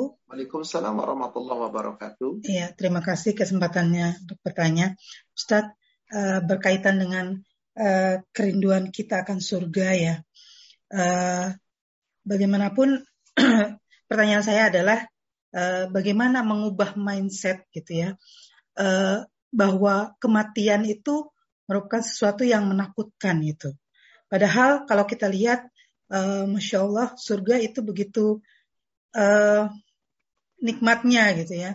Tapi bagaimanapun juga secara manusiawi kita masih takut uh, menghadapi kematian gitu. Nah, bagaimana merubah mindset bahwa kematian itu harusnya menjadi sesuatu uh, perpisahan yang indah gitu kan, perpisahan dengan dunia dan yang indah karena kita akan menghadap kepada Allah yang kita cintai gitu. Cukup, nah ini bagaimana? Allah sudah cukup jelas insya Allah. Ya. Assalamualaikum warahmatullahi wabarakatuh. Waalaikumsalam. Memang itulah manusia. Kenapa manusia takut mati? Karena hubud dunia.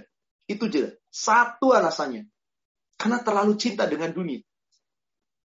Manusia itu tidak pernah merasa tua dirinya meskipun umurnya tua. Kenapa? Pengen tetap panjang umur. Karena kematian sudah Allah janjikan. Kematian itu adalah penghantar menuju ridha Allah. Syaratnya Anda punya amal yang cukup. Maka kenapa orang takut mati? Mereka sadar amalnya belum cukup.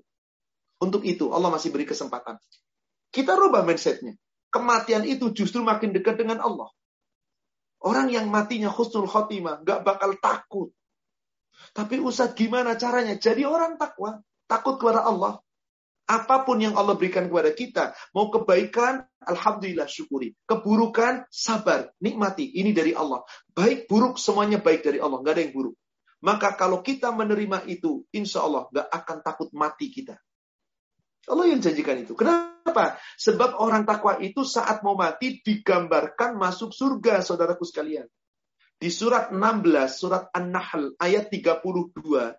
Jika Bapak Ibu nanti lihat ulang, ayat ini rangkaian dari ayat 30. Ayat 31, cerita tentang orang takwa. Yang mau diperintah oleh Allah, diajarkan oleh Allah, dilarang Allah, ditetapkan Allah, mau baik, mau buruk, dia tidak pernah mengeluh. Dia katakan ini semua kebaikan dari Allah. Maka saat matinya bagaimana digambarkan di ayat 32?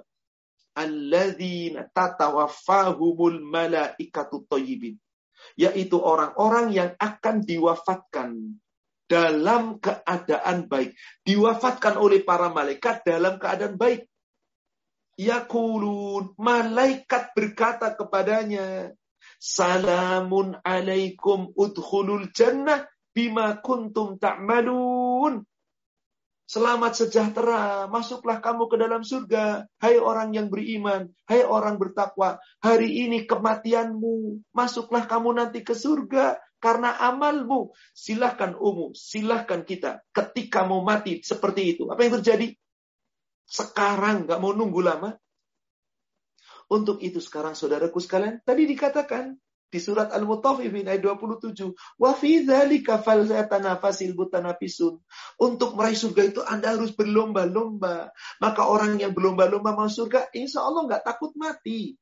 Adapun takut mati yang dimaksud mati adalah kematiannya, maka tidak mengapa, wajar manusia. Tapi yang penting adalah mari bekali diri kita dengan kebaikan-kebaikan-kebaikan. Dan afan, Anda ingin masuk surga?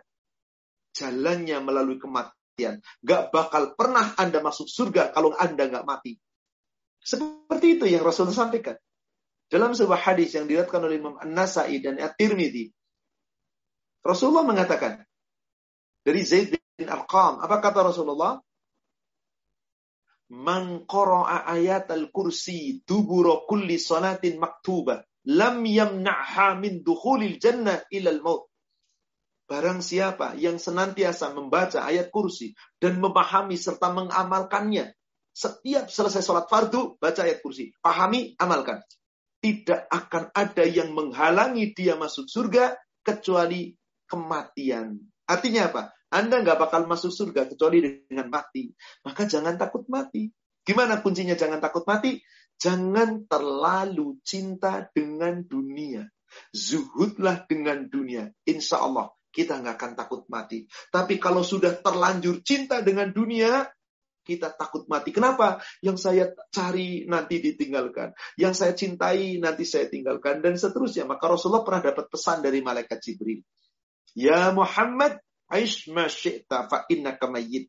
Hai Muhammad, hidup sesukamu, tapi sungguh kamu akan mati. Ya Muhammad, ahbib man syi'ta fa innaka mafariqu. Hai Muhammad, Cintailah apa yang kamu ingin cintai. Tapi sesungguhnya nanti akan kamu tinggalkan. Berpisah denganmu yang kamu cintai. Ya Muhammad, wa'mal wa'mal masyikta. Beramallah, berbuatlah apa yang kamu inginkan. Fa'innahu madzibihi. Sesungguhnya kamu akan dibalasi semua amalmu. Ini pesan Jibril kepada Nabi Muhammad. Maka silakan kita berbuat, silakan kita mencintai, silakan kita hidup, silakan. Tapi ingat, kita akan mati. Maka jangan pernah kita takut mati. Sebab siapa yang ingin berjumpa dengan Allah, pasti kita akan mati. Demikian wallahu a'lam. Uh, saya lanjutkan ke slide berikutnya. Uh, Ustaz, sehubungan dengan hadis mengenai pecahnya umat Islam menjadi 73 golongan dan hanya satu yang masuk surga, bagaimana kita tahu mana yang benar? Ustaz? Ketika Rasulullah menyampaikan hadis ini, umatku terpecah menjadi 73 golongan, semua ke neraka, kecuali satu yang masuk surga. Adalah umatku yang mengikuti sunnahku. Dalam hadis yang dilihatkan oleh Imam Bukhari dari Abu Hurairah, Kullu ummati al jannah. Ilaman aba. Semua umatku masuk surga, kecuali yang enggan. Ternyata yang satu itulah yang masuk surga. 73 golongan masing-masing enggan. Wa may ya Rasulullah? Siapa yang enggan masuk surga wahai Rasulullah? Kullu ummati dakhalal jannah wa man atani dakhalal jannah. Setiap umatku yang masuk surga adalah mereka yang mentaati aku. Dakhalal jannah. Wa man asani faqad aba. Tapi siapa saja yang tidak mentaati aku, umatku itu enggak mau masuk surga. Mereka enggan. Jadi siapakah satu golongan itu yang berpegang teguh kepada Al-Quran, As-Sunnah. Berpegang teguh kepada kitabullah dan hadis Rasulullah. Itulah yang Rasul tinggalkan. Aku tinggalkan kepadamu dua perkara. Siapa yang berpegang teguh dengan dua itu, selamat dunia dan akhirat.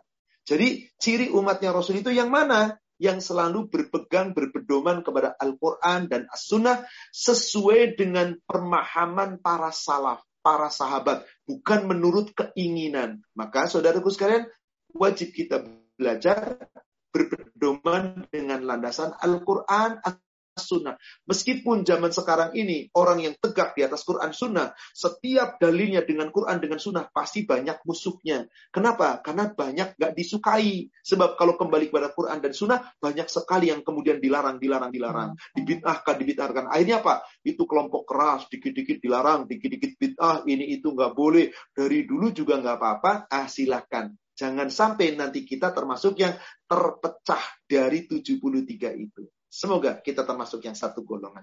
Wallahu a'lam. Amin. Ya Allah ya Rabbal Alamin. Insyaallah. Baik, uh, berikutnya dari slide Ustaz. Assalamualaikum Ustaz. Keadaan surga manakah yang semua diceritakan dalam Al-Quran itu? Apakah itu di Janatul Adnan, Janatul Hayyan, atau Janatul Firdaus? Karena ada macam-macam surga, ada spesifik detail tentang masing-masing isi surga itu. Saya sarankan kepada penanya minta rekaman kajian kita bulan lalu tentang ya. tingkatan-tingkatan surga, nama-nama surga. Kita sudah bahas sampai 9 nama surga, 8, 9 sampai Jannatul Firdaus. Semua surga Aden, surga Naim, dan surga Na'la, Ma'wa sudah kita bahas. Jadi nggak mungkin dijelaskan ulang dengan panjang lebar. Silahkan ya. kepada penanya, minta kepada admin rekaman kajian kita di pertemuan yang lalu di mana di situ khusus membahas tentang tingkatan-tingkatan dan jenis-jenis nama-nama surga. Wallahu alam. Demikian. Alhamdulillah. Uh, baik, nanti linknya akan kita share di chat. Silakan. Silakan. Baik, uh, berikutnya Assalamualaikum Ustaz. Uh, mau bertanya, tadi dijelaskan di surga hanya tentang pasangan-pasangan. Bagaimana dengan anak-anak Ustaz? Apakah di surga akan ada keluarga utuh, suami, istri, dan anak-anak, atau hanya berupa pasangan-pasangan saja Ustaz? yang disebutkan pasangan itu tadi di surat yang tertentu, surat Az-Zukhruf. Tetapi Allah katakan di surat 52, yakni surat At-Tur di ayat 21, itu anak-anak. Walladzina amanu wattaba'athum dzurriyyatuhum biimanin. Orang-orang yang beriman diikuti oleh anak cucu mereka, keturunan mereka yang sama-sama beriman. Al-haqna bihim dzurriyyatuhum. Kami hubungkan mereka dengan saudara mereka, anak keturunan mereka. Dihubungkan oleh Allah. Anak-anak disebut. Jadi bukan hanya pasangan. Bukan pula cuma anak-anak. Keluarga. Sudah kita bahas di pertemuan pertama, salah satunya adalah orang yang jalannya lurus, orang yang akan didudukan surga, adalah orang yang senantiasa kembali kepada Allah dan jalannya lurus. Itu dikumpulkan di surga itu bersama dengan keluarga. Bahkan dikatakan bersama orang soleh, dengan orang tua mereka, kakek nenek mereka, yakni eh, nenek moyang mereka, pasangan mereka, anak keturunan mereka.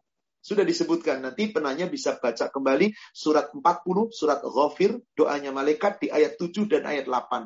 Kemudian dilihat di surat Ar-Ra'du, surat 13, jika kita bersabar dalam iman dan taat, dalam sholat kita, dalam ibadah kita, ketika dihina, di diganggu, ketika punya harta, sabar dengan seluruh keluarga kita sabar, Allah berikan jaminan. Reuni di surga bersama keluarga, kakek nenek moyang kita, orang tua kita, pasangan kita, saudara kita, anak keturunan kita. Surat 13 Ar-Ra'du ayat 22 sampai ayat 24. Jadi Allah tidak hanya menunjukkan dengan pasangan. Tadi sudah kita urakan, ada dengan pasangan, ada yang dengan anak keturunan, lengkap Allah sampaikan. Untuk laki-laki ada bidadari-bidadari, untuk perempuan ada wildan, ada laki-laki yang gagah, yang perkasa, yang tetap muda. Demikian Allah Maha Adil. Wallahu a'lam. Alhamdulillah. Nah, ini berikutnya ada pertanyaan tapi saya juga kurang mengerti nih pertanyaan. Jadi mungkin uh, bagi penanya silakan raise hand untuk silakan. Baik, selain deskripsi kenikmatan fisik tadi, ada vibrasi vibrasi spiritual advancement nggak? Itu yang kita cari juga kurang mengerti. Bergabung menjadi satu. Kalau dikatakan vibrasi getaran spiritual itu kan nikmat dalam hati. Kan tadi sudah dikatakan, nikmatnya surga itu menyenangkan hati, menggembirakan pandangan mata. Itulah yang disebut kurroti ayun. Mata memandang, lihat indah, tubuh merasakan indah, hati tenang dan tentram. Dan itu tidak pernah dirasakan di dunia. Kecuali orang yang punya iman dan takwa. Akan tenang hatinya, mau dalam keadaan apa pun. Jadi nikmat di surga itu bukan hanya dari fisik, bukan hanya dari pandangan mata, bukan dari nikmat tubuh, tapi nikmat secara keseluruhan. Sudah disampaikan tadi, kenapa? Karena ketika sudah masuk surga, Allah ridho. Gak pernah ada lagi perintah, gak ada larangan, gak ada aturan. Nikmat, nikmat, nikmat. Tapi syaratnya anda di dunia harus rela diatur. Kalau diperintah jalankan, kalau dilarang tinggalkan, kalau diatur ikuti, maka insya Allah nanti di akhirat Anda tidak lagi diatur. Nikmat bebas di dalam surga. Demikian, wallahu a'lam. Uh, kan ini ada yang bertanya langsung silahkan uh, Zuhro untuk di unmute singkat saja ya insya Allah silahkan Zuhro oh, mungkin belum. Baik. Saya lanjutkan aja ke pertanyaan berikutnya Ustaz. Uh, Assalamualaikum warahmatullahi wabarakatuh. Bagaimana cara yang bisa ditempuh Muslim untuk meraih surga dan apa saja amalan-amalan yang dipermudahkan meraih surga? Dan apa Ketika saja kunci untuk bertanya kepada Rasul, tolong tunjukkan kepadaku amal yang bisa masuk ke dalam surga. Engkau beriman kepada Allah, dirikan sholat, tunaikan zakat, puasa di bulan Ramadan, haji jika kamu mampu. Ya Rasulullah, adakah tambahan jika engkau mau kerjakan yang sunnah-sunnah? Ya Rasulullah, adakah tambahan? Berbuat baiklah kepada sama manusia. Itulah secara gambaran perintah Allah rukun Islam yang lima jangan pernah Anda abaikan. Yang sunnah Anda tingkatkan untuk memperbaikinya. Habluminanas Anda Anda jaga. Jaga lisan, jaga akhlak. Jannah. Apa berarti habluminallah itu takwa kepada Allah, habluminanas itu akhlak yang baik. Aksaru yudkhilul jannata taqwallah wa husnul khuluq yang paling banyak bisa memasukkan ke dalam surga seseorang adalah ketika hamba itu takwa kepada Allah, berarti habluminallahnya bagus. Habluminallahnya bagus, amal ibadah wajib sunahnya dijalankan dengan baik, husnul huluk, akhlak habluminanasnya baik, habluminallah baik, habluminanas baik. Beres insya Allah. Bismillah. Tapi kadang-kadang dosa Ustadz, istighfar, taubat. Habluminanasnya saya pernah jahat Ustadz. Datangi orang itu, minta maaf, minta keikhlasan. Kalau itu berkaitan dengan fisik, keikhlasan untuk dikisos. Kalau itu berkaitan materi, balikin. Kalau itu berkaitan harga diri, minta keikhlasan, pemaafan. Jadi harus ada perjuangan saudaraku di dunia ini. Dan apa pun perjuangan yang kita lakukan, sepanjang itu kita ingin lakukan dalam rangka mencari ridha Allah, insya Allah Allah ridha. Maka mari perbaiki akhlak kita. Amal kita, ibadah kita. Tingkatkan, tingkatkan, tingkatkan. Mulai cerminkan dulu. Coba lihat dari sisi aturan Allah saja yang sudah Allah perintahkan sudah Anda jalankan betul. Dan maaf, yang Allah perintahkan bukan hanya dari sisi ibadah lima rukun Islam yang lima. Cara berpakaian Anda bagaimana? Cara mencari nafkah Anda bagaimana? Cara bicara Anda bagaimana? Semuanya itu akan dipertanyakan saudaraku sekalian. Jadi ibadah itu adalah segala sesuatu perbuatan seorang hamba dalam rangka mendekatkan diri kepada Allah, menghambakan kepada Allah. Sepanjang yang dilakukan itu sesuai dengan aturan Allah dan Rasulnya, insya Allah Allah itu. Jangan hanya terpikir ibadah itu urusan habluminallah. Sholat lima waktu, puasa Ramadan, melaksanakan saum, eh, melaksanakan zakat, menunaikan zakat, haji di Baitullah. Itu baru ibadah mutlak yang wajib. Ada yang sunnah, ada habluminanasnya dan kebaikan-kebaikan. Tingkatkan, tingkatkan, tingkatkan. Berusaha tadi. Wa fi dzalika falyatanafasil mutanafisun. Untuk surga itu Anda harus berlomba-lomba. Jangan santai-santai, bersungguh-sungguh. Demikian wallahu a'lam. Uh, saya lanjutkan pertanyaannya singkat ini Bismillah. Sebetulkah wanita yang suaminya meninggal kemudian menikah lagi maka di akhirat bersama suaminya yang terakhir Ustaz. Hadisnya sahih, tapi jangan berpikir seperti di dunia. Seorang wanita mengatakan, saya nggak mau nikah lagi. Kenapa? Sebab Rasul bersabda, seorang wanita itu nanti di surga akan bersama suaminya yang terakhir. Kalau gitu saya cinta sama suami yang pertama, saya nggak mau nikah lagi. Ya silahkan Anda menderita di dunia, nggak nikah lagi. Jangan begitu cara pola pikirnya, saudaraku sekalian. Bukan berarti ketika Anda menikah lagi, Anda akan dengan suami yang kedua, lalu Anda nggak bisa dengan suami pertama. Itu cuma pikiran dunia. Ingat tadi, nikmatnya surga itu nggak terbayang. Umum Salamah, ketika suaminya meninggal, apa yang terjadi? Nggak mau nikah lagi. Kenapa? Nggak ada laki-laki yang lebih baik daripada Abu Salamah dilamar oleh Rasulullah Sallallahu Alaihi Wasallam. Ketika itu dia sadar doanya dari suaminya. Yakni apa? Apabila engkau kena musibah berdoalah. Allahumma ajurni fi musibati wa khlufli khairam minha. Kemudian Ummu Salamah menjadi istrinya Rasul nanti di surga. Apakah Ummu Salamah nggak bisa ketemu dengan Abu Salamah? Ketemu, saudaraku sekalian. Tapi tetap beliau nanti isinya Rasul di surga. Sebab Rasul mengatakan, istri-istriku di dunia adalah istriku di surga. Dan apakah cuma isi itu saja? Bidadari-bidadari. Cemburu dong Ustaz. Dicabut rasa cemburu saudaraku sekalian. Jadi wahai ibu, janganlah kita berpikir dengan sebuah hadis lalu kita terpaku dengan hadis itu. Lalu kita jadi kerdil. Seakan-akan kalau begitu nggak ketemu dengan suami yang baik. Tidak. Nikmat, nikmat, nikmat. Ingat tadi digambarkan, tak terbayang, tak terlintas, sesuatu yang gak pernah dirasakan di dunia. Jadi, wahai para istri, yang ditinggal mati suami mau nikah lagi, nikah lagi. Bismillah. Gak usah kepikiran nanti gak ketemu. Pikirkan Anda di dunia ibadah dengan benar. Pikirkan itu. Anda sengsara di dunia nggak bersuami lagi, nggak ada yang memberikan nafkah, nggak ada yang melindungi, kan? akhirnya serba sedih di dunia. Ternyata ibadahnya nggak baik, sengsara nanti Anda di akhirat juga. Jadi mari memahami sebuah hadis, jangan letterlock diambil seakan-akan udah kalau gitu nggak usah menikah. Jangan. Betapa banyak isi-isi dari para sahabat yang menikah lagi setelah ditinggal oleh para suaminya. Wallahualam. Demikian. Uh, Sebentar, so, Afan, ini komputer saya tiba-tiba freeze. Oke, okay. Mau bertanya Ustadz, eh, bagaimana untuk mudah meraih keberkahan dalam hidup dan apa saja amalan hidup berkah? Lalu bagaimana ciri-ciri orang berkah dalam hidupnya Ustadz? Terima kasih. Kita harus tahu dulu mana berkah. Apa itu berkah? Dalam bahasa apa itu barokah? Ada huruf ba, ada huruf ro, ada huruf kaf. Huruf kaf. Dan ada huruf tak marbutoh, barokah. Apa sih kata barokah? Barokah secara akar bahasa artinya adalah bertambah. Artinya adalah tetap. Artinya adalah langgeng. Artinya tidak terputus. Maknanya banyak. Jadi apa maksudnya hidup berkah? Orang yang hidupnya selalu nikmat dalam keadaan apa pun, langgeng, tidak terputus. Dikasih sehat, dia tetap nikmat. Dikasih sakit, dia nikmat. Dikasih kaya, dia nikmat. Dikasih miskin, dia nikmat. Itu hidup berkah. Maka ciri orang yang hidupnya berkah, hatinya selalu lapang, mau dikasih apa pun oleh Allah.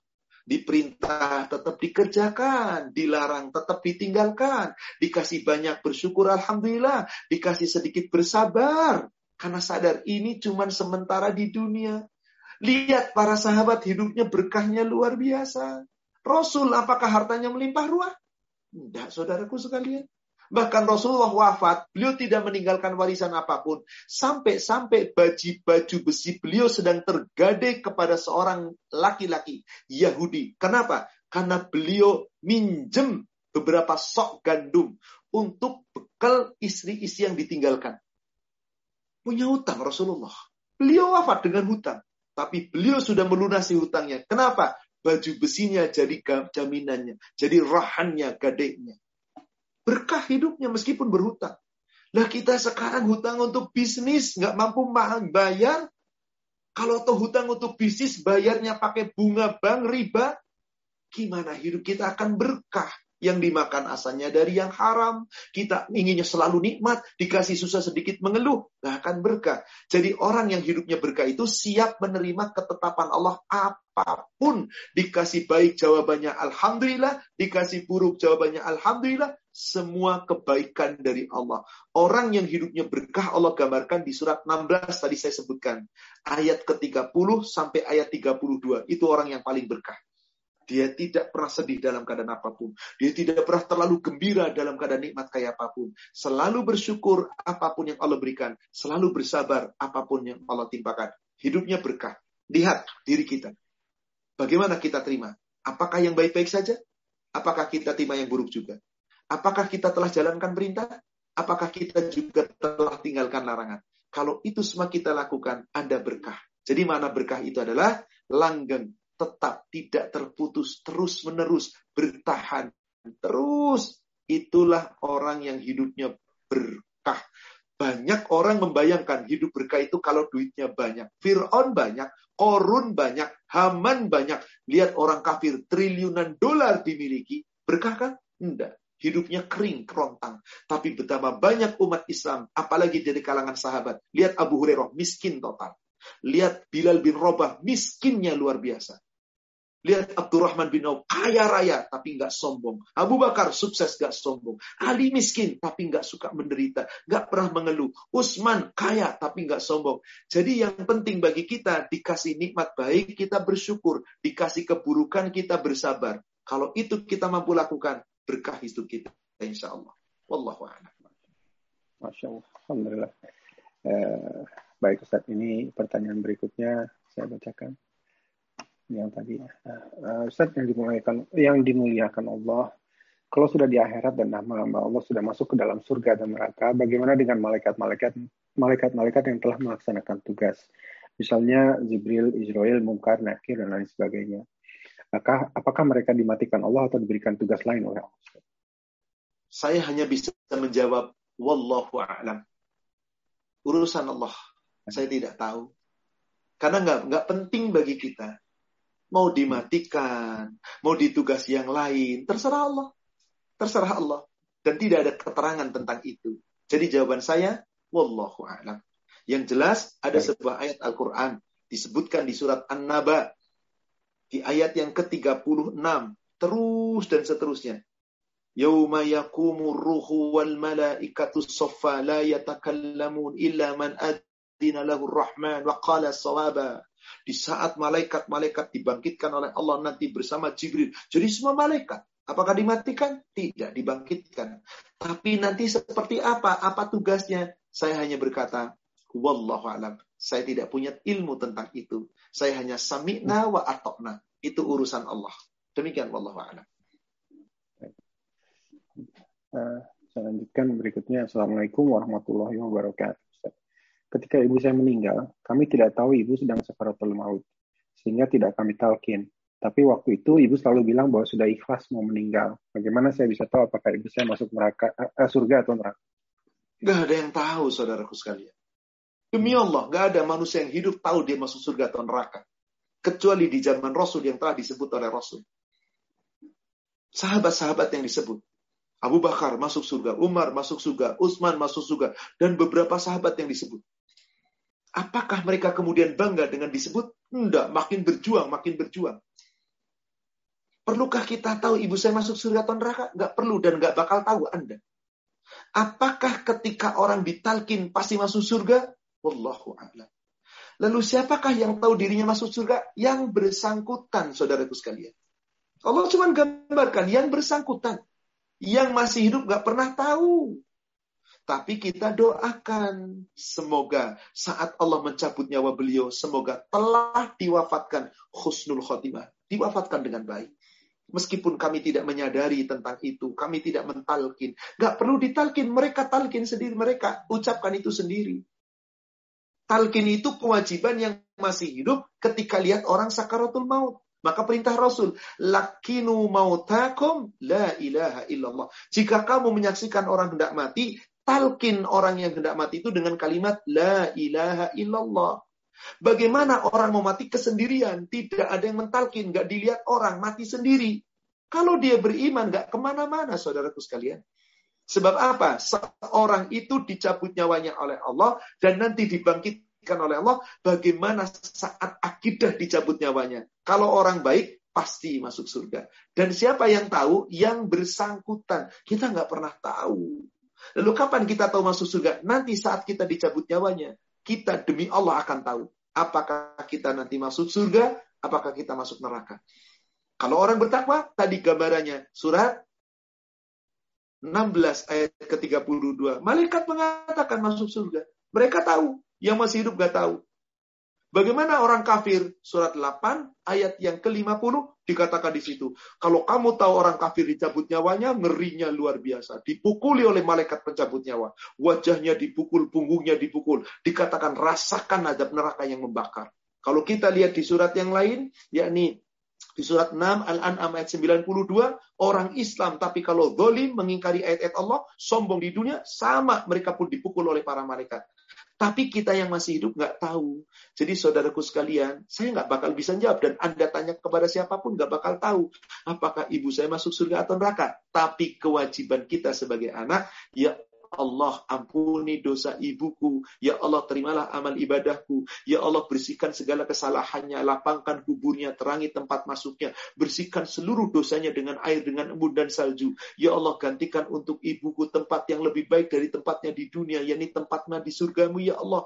Ya Allah berikan untuknya surga. Jauhkan dari azab kubur. Jauhkan dari azab neraka. Itu kewajiban anak mendoakan. Gak usah kita berpikir masuk surga atau neraka. Tapi berdoalah semoga ibu kita masuk surga. Dan bisa bertemu dengan kita. Wallahu a'lam. Demikian. Mungkin dua pertanyaan lagi. Afan, Akhi, sudah cukup panjang kajian oh, iya, kita. Iya, tapi Ustaz. Ini dua pertanyaan saya saya siapkan. Ini yang pertama, saya pernah dengar maksud umatku itu artinya umat yang akan didakwahi oleh Rasulullah. Begitu kah Ustaz? Apa maksudnya yang didakwahi oleh Rasul? Yang ya, didakwahi oleh Rasul hanyalah para sahabat di zaman Rasulullah. Tabiin nggak pernah didakwahi Rasul. Tapi kita didakwahi Rasul melalui apa? Melalui hadis, melalui ayat. Karena aku tinggalkan dua perkara, Al-Quran dan Al-Hadis. Berarti ketika kita baca hadis, kita kemudian menjalankan seakan-akan kita lagi didakwahi Rasul melalui para ulama yang menyampaikan hadis, dalil Al-Qur'an, dalil Al-Hadis. Jadi yang dimaksud umatku adalah umatku yang berpegang teguh kepada Al-Qur'an dan Al-Hadis. Tapi Rasul katakan nanti di akhir zaman umatku orang-orang yang berpegang teguh pada Quran dan hadis itu seperti orang megang bara api panas, tapi tetap harus kita pegang. Coba lihat orang yang tegak di atas sunnah. Kadang dihina, kadang dicela, kadang dimusuhi. Bahkan kadang-kadang hidupnya agak susah. Bahkan sering tidak diberikan dunia oleh Allah. Bahkan kadang-kadang dapat hinaan dan celaan. Panas di atas sunnah. Maka banyak umat Islam yang gak kuat di atas sunnah. Karena hinaan dan celaan. Tapi lagi kita, Allah hinaan dan celaan cuma di dunia kok. Rasul tegak di atas sunnah sudah dijamin masuk surga. Beliau dihina, dicela, dihardik, diusir, dimusuhi, dikejar hendak dibunuh. Gak ada masalah tuh. Yang paling penting kita terus berjalan tegak di atas sunnah. Jalan Allah cuma satu yang lurus. Al-Quran, Al-Hadis. Itulah yang Allah wasiatkan kepada kita. Surat Al-An'am, surat 6, ayat 153. Ayat itu jelas sekali wa anna hadza sirati mustaqiman fattabi'u wa la tattabi'us subula fatafarraqu bikum anis sabil dzalikum wassaqum bihi la'allakum tattaqun Inilah jalanku yang lurus. Apa itu? Al-Quran, Al-Hadis. Ikuti jalan lurus itu. Satu. Jangan ikuti jalan selain Al-Quran dan As-Sunnah. Kamu nanti tercerai bre dari jalan yang lurus. Itu wasiat Allah kepadamu. Ikuti Al-Quran dan Sunnah. Mengikuti perintah Allah dan Rasulnya dengan benar. Mengikuti pemahaman para pendahulu kita. Para sahabat dan tabi'in dan yang lainnya. Kamu akan bertakwa kalau ikut wasiat Allah. Jelas sekali ayatnya. Ya. Maka yang dikatakan jalan lurus itu apa? Jalan yang kita minta. Ihdinas siratal mustaqim. Apa itu? Al-Quran, Al-Hadis. Al-Quran, Al-Hadis. Maka para pendakwa itu tidak lain, tidak bukan. Kata-katanya cuma Qala Allah, Qala Rasul. Qala Allah, Qala Rasul. Masa dikit-dikit Quran, masa dikit-dikit hadis. Lah kita hidup mau dengan apa lagi? Wong kita itu dihidupkan oleh Allah, ditujukan masuk surga dengan Quran dan hadis kok. Masa dikit-dikit Quran dan hadis, Inilah manusia yang ngaku Islam zaman sekarang. Gak terima kalau dikit-dikit Quran dan hadis. Mereka inginnya apa? Mengikuti hawa nafsu. Jangan sampai kita demikian. Semoga kita senantiasa terjaga akidah kita. Amin, Amin. ya Rabbal Alamin. Wallahu alam, sepertinya sudah cukup, akhi. Baik, Ustaz. Baik, Ustaz. Baik, kita Baik demikian saudaraku sekalian yang semoga dirahmati Allah kajian kita tentang surga sudah kita akhiri pada hari ini, pada malam ini. Insya Allah kita masih berjemu di kemudian yang akan datang. Kita sekarang bahas lawan dari surga, neraka. Karena tiga seri kita sudah khusus bahas, surga untuk adil, kita di sesi berikutnya membahas tentang neraka. Siapakah golongan orang-orang yang diridukan neraka, yakni yang dijaminkan oleh Allah mereka akan masuk neraka, kita akan bahas nanti ayatnya dan hadisnya, bagaimana dahsyatnya neraka, bagaimana tingkatan neraka. Kita akan membahas seperti runtutan ketika kita membahas surga. Insya Allah. Demikian saudaraku seiman, Bapak Ibu jamaah sekalian, jamaah paduka yang semoga dirahmati Allah, dan siapa pun yang ikut kajian kita pada malam hari ini, baik yang di Indonesia, yang di Eropa, mungkin di belahan dunia lain yang mengikut kajian kita, semoga Bapak Ibu senantiasa mendapatkan barokah Allah Subhanahu wa taala, mendapatkan ridhonya. Dan semoga kita termasuk hamba Allah yang muttaqin yang tetap istiqomah di atas iman dan takwa. Yang benar dari Allah yang disampaikan melalui Rasulnya, yang salah saya yang menyampaikan, kita manusia yang penuh kekurangan dan kekhilafan, semoga Allah memaafkan dan mengampuni dosa kita. Mari saudaraku seiman, kita tutup dengan doa kafaratul majlis. Subhanaka Allahumma wa bihamdika ashhadu an la ilaha illa anta astaghfiruka wa atubu ilaik. Alhamdulillah billahi taufik. Assalamualaikum warahmatullahi wabarakatuh. Waalaikumsalam warahmatullahi wabarakatuh. Jazakallah khair Ustaz eh, atas kajian kali ini insyaallah kita Barakallahu fikum untuk semuanya. Saya mohon pamit kepada ya, admin kepada para jamaah. Barakallahu fikum untuk semuanya. Wah, baik barakallah. Baik, uh, untuk para jamaah nanti kita akan sampaikan jadwal berikutnya untuk kajian Ustadz Ahmad Susilo. Uh, mohon maaf jika ada kesalahan kekurangan. Barakallahu fikum. Wabillahi taufiq Assalamualaikum warahmatullahi wabarakatuh.